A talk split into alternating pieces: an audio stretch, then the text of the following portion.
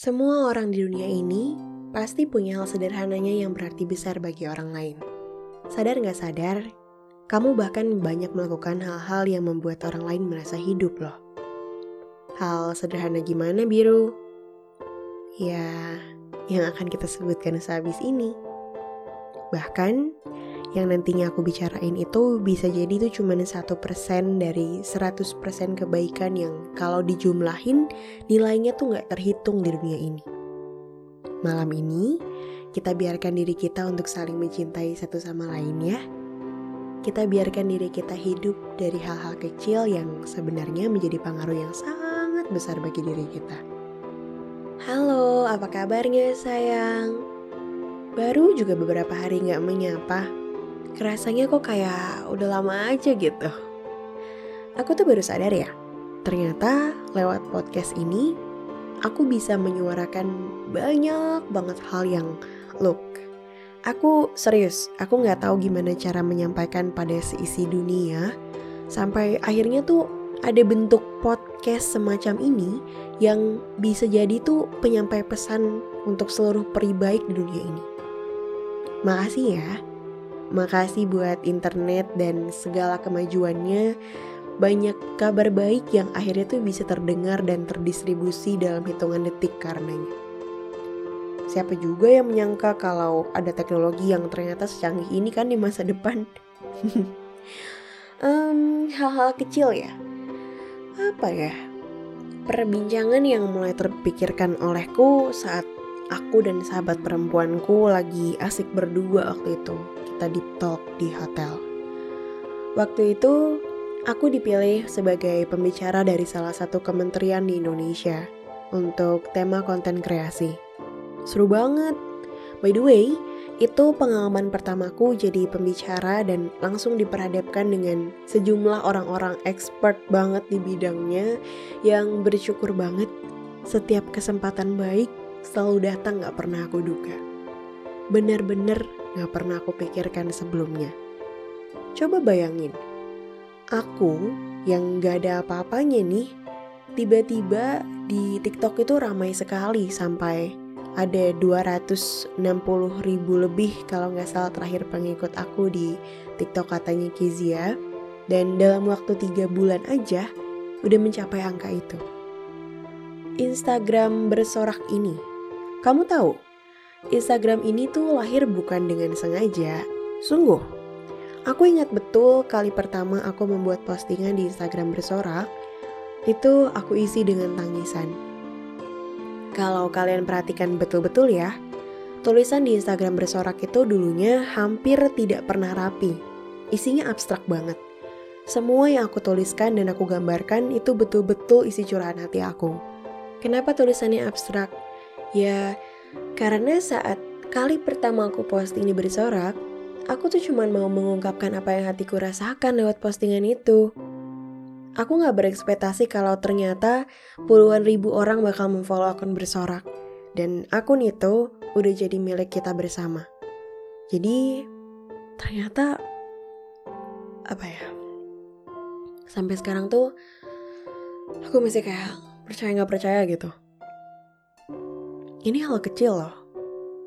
Hal sederhana banget ketika aku posting suatu tulisan yang itu isinya adalah isi hati aku dan ternyata itu masuk terus di explore Instagram dan banyak banget orang-orang yang menyukai postingan itu. Banyak orang-orang yang menyayangi biru. Yang aku sering kali menerima banyak banget pesan-pesan yang isinya gini. Biru, makasih ya buat postingannya. Karena postingan kamu yang ini Terus mereka biasanya suka kirim link postingannya atau postingannya ke aku. Aku jadi ngerasa bisa lebih hidup lagi. Aku ngerasa aku punya teman buat cerita. Aku ngerasa kalau hidup aku berharga. Ada juga tuh yang baru putus, terus bilang, Biru, karena postingan kamu, aku ngerasa jauh lebih kuat aku ngerasa kayak postingan di bersorak tuh jadi transfer energi buat banyak orang, buat mereka merasakan kalau ada sebagian hidup yang mungkin mereka tuh lupa. Kalau itu adalah sesuatu yang gak seharusnya mereka lupakan. Kalau ada kesempatan ya, Ya Tuhan, aku berharap banget nih, suatu saat nanti aku bisa bertemu dengan kalian semua. Pengen banget peluk kalian satu-satu, karena mendengarkan kisah dan juga tangisan kalian itu sesuatu yang buat aku spesial banget. Itu pasti menyenangkan sekali.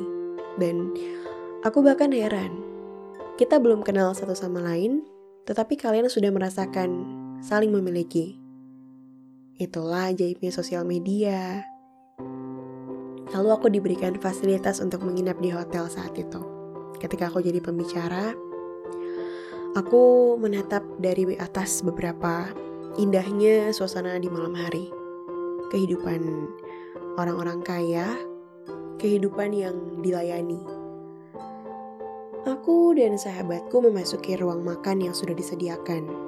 Jadi prasmanannya itu persis berisi sajian-sajian yang kalau melingkarnya tuh kayak di kondangan tapi ada juga beberapa stand yang terpisah gitu karena bener-bener isinya tuh orang-orang elit semua di situ dan lagu-lagunya juga suasananya menenangkan kayak di restoran-restoran Eropa gitu. Dan orang-orangnya juga pada makan dengan sopan hidangannya juga beragam banget. Aku inget nih uh, makan paginya itu isinya tuh sereal susu yogurt nasi kuning nasi uduk sama semua lauk pauknya banyak banget. Terus ada juga produk bakery bakery yang lengkap banget ada beragam minuman udah berjejer terus ada satu jenis roti yang aku nggak tahu nama rotinya apa itu roti yang sejak aku makan di situ aku nggak pernah lupain rasanya asli aku sama sahabatku tuh sampai bilang wah gila ini roti terenak yang pernah kita makan makanannya tuh kayak kayaknya ada yang lebih dari 20 jenis gitu di situ. Dan itu mataku tuh kayak dimanjain dengan segala perduniawian yang luar biasa. Karena aduh asli kalian mau nambah juga bisa. Tapi kalau nggak malu sih. Terus uh, pokoknya kalian bisa ngambil sepuas-puasnya di situ karena udah termasuk juga dalam paket hotelnya. Terus saat kita mulai makan, seseorang pelayan itu datang dan menyapa. Dia bertanya singkat. Halo, selamat pagi kak. Mau saya ambilkan teh? Biru mau ngakak. Uh, Biru kira tuh tadinya tuh pas si kakak datang tuh, dia mau nanya, Kak, kok ngambil makannya banyak banget sih? Atau pertanyaan kayak, Kak nggak boleh nambah dua kali ya?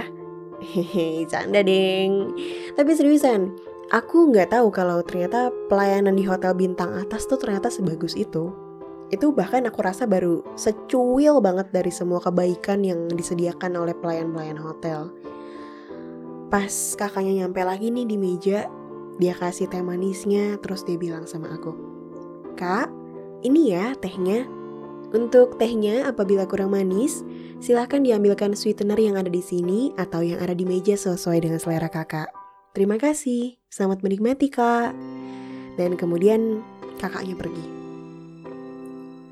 Pas kakaknya pergi itu, biru perlu waktu sekitar ada ya 10 detik dari hati yang berdesir seneng dan tenang banget.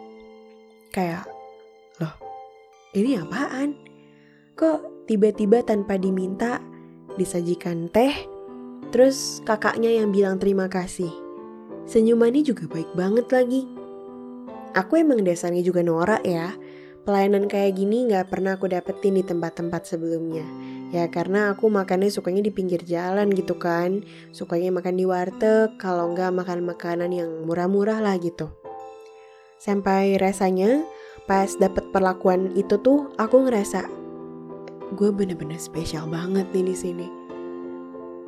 Bayangin, tiba-tiba ada pelayan datang nawarin butuh teh atau enggak aku ngerasain gimana sih ternyata jadi orang yang dilayani sampai kita tuh saling nyeletuk gini oh gini toh rasanya kehidupan orang kaya. Kehidupan orang yang dicari. Sahabatku bilang gitu. Terus aku senyum aku bilang iya kehidupan orang kaya udah biasa banget lah kayak gini. Kehidupan orang yang dicari itu tuh belum tentu kayak gini. Karena bisa aja dia hidupnya sederhana, tetapi dengan kemampuannya, orang-orang itu berlomba-lomba untuk mendapatkan kemampuannya itu dan ya akhirnya dia disajikan semua pelayanan seperti ini. Tapi kalau dibilang kehidupan yang dicari orang, ya ini. Ini kehidupan yang dicari orang lain. Kehidupannya serba mewah, serba dilayani, serba ada, serba nyaman, semua serba-serba. Pokoknya semua serba yang pernah bisa dunia kasih lah gitu ke kita. Terus selepas makan, aku nggak langsung berdiri. Pelan-pelan aku mengamati dulu sekitarku. Karena ternyata seru juga ya merhatiin orang yang mereka lewat sambil bercengkrama. Terus kebanyakan di antara mereka serius banget bicaranya. Kayaknya nih orang-orang yang ada di sekitar sini tuh emang orang-orang penting deh, asli. Wajahnya tuh orang-orang berpendidikan semua. Lalu di saat aku mengamati sebuah keluarga yang pakaiannya sederhana banget, bener-bener sesederhana itu sampai aku nggak tahu kalau ternyata orang yang ada depanku adalah orang yang sangat penting. Tiba-tiba ada pelayan hotel yang lain menyapa ibu itu dan keluarganya sambil berkata, Halo ibu, selamat pagi. Saya, terus si mbak nyebut namanya, dan saya mendapatkan informasi bahwa ibu adalah perwakilan dari bank. Terus si ibu nyebutin nih si mbaknya nyebutin kalau nama bersejarah suatu bank di Indonesia dan kami punya special dessert untuk ibu. Lalu kakak itu menyerahkan sebuah dessert yang emang bener-bener gak ada di sajian kami.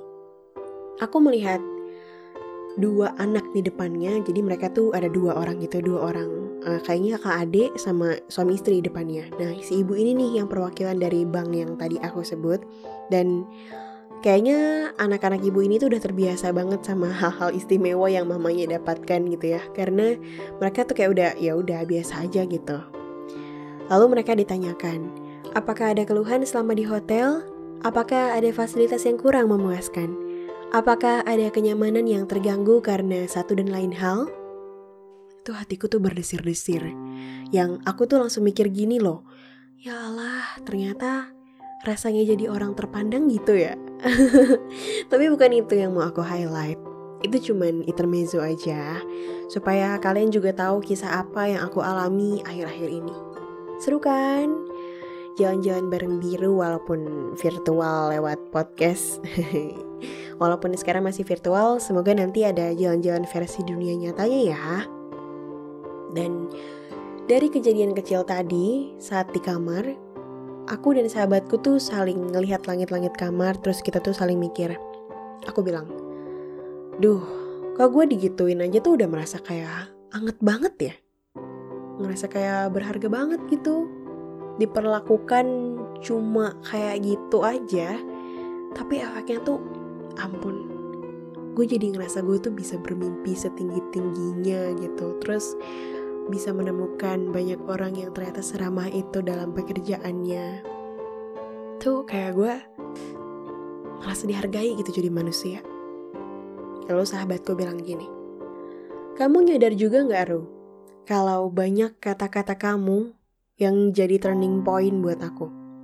Ingat gak pas kamu bilang tentang gak apa-apa untuk jadi orang yang biasa-biasa aja, karena panggilan kita masing-masing kan berbeda. Gak banyak juga orang yang bisa kayak kamu, Ru, yang bisa jadi pendengar yang baik untuk kisah orang lain. Aku gak tahu kalau kata-kataku tuh ternyata bisa jadi pelindung untuk hati orang yang terasa hampir beku. Saat ada seseorang yang nyaris hampir mengancam nyawanya sendiri nih, dan di hari itu dia sedang melihat snapgramku pada suatu malam tentang bersyukur. Dia menceritakan bahwa pada malam itu aku menambah satu tiket kehidupannya. Cerita yang kubagikan sederhana, sungguh. Cerita tentang kamarku yang tadinya tidak beratap, terbuka, banyak nyamuk, dan sangat tidak nyaman untuk ditinggali, sampai akhirnya aku memiliki kamar yang beratap. Itu udah lebih dari cukup buat aku.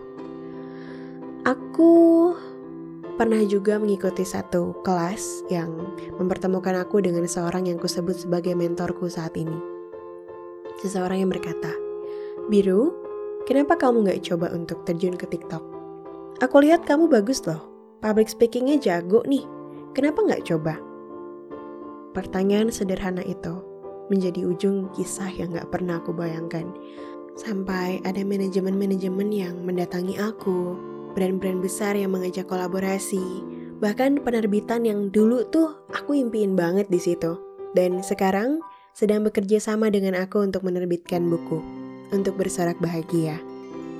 Gak pernah terbayang dalam hidupku akan terjadi hal-hal seperti ini. Pertanyaan sederhana, jawaban sederhana, perlakuan sederhana, dengan dampak yang ternyata luar biasa. Segala hal yang terlihat kecil, ternyata bisa jadi membuat kepercayaan yang selama ini terkubur dalam-dalam itu mendadak terbangkitkan kembali. Kekecewaan yang gak bisa kita pungkiri, ternyata tuh berujung pada hal baik yang membangkitkan hidup seseorang, atau bahkan banyak orang. Kata-kata yang kamu kira biasa aja saat menasehati atau bahkan mengobrol ringan, bisa jadi tuh menampar seseorang sampai sadar bahwa ada yang salah dalam dirinya. Pernah gak kamu bertanya tentang hal itu? Sudah berapa jauh mulut kamu berkelana mengucapkan segala hal yang ingin sekali banyak orang dengar untuk sekedar pujian-pujian kecil yang ternyata tuh bisa menghidupkan banyak orang. Untuk sekedar sapaan hangat yang ternyata bisa membuat orang merasa dihargai. Untuk sekedar senyuman singkat yang membuat orang merasa berarti. Entah untuk untuk apa dan sampai di mana dan ternyata kata-kata kecilmu itu bisa berbicara tentang segala resah dan lelahnya hidup yang nampaknya sempurna sekali di mata orang yang tepat. Itulah definisi kebesaran dalam kesederhanaan. Luar biasa bukan? Si lemah yang tak sengaja mengucapkan kata-kata yang membangkitkan orang lain. Si lemah yang ternyata membuat orang lain tak membenci dirinya lagi. Sadar akan perkataanmu sehebat itu, banyak-banyak dijaga ya saat berkata. Jangan sampai salah ucap, Jangan sampai ucapannya malah menyakiti dan berbalik menjatuhkan orang lain. Semoga perkataanmu bisa menebar banyak senyum di dunia yang bisa menerima, yang bisa menjadikan perkataanmu sebagai pegangan hidupnya. Salam sayang, Langit Biru. Podcast bersorak bahagia dengan segala ceritanya.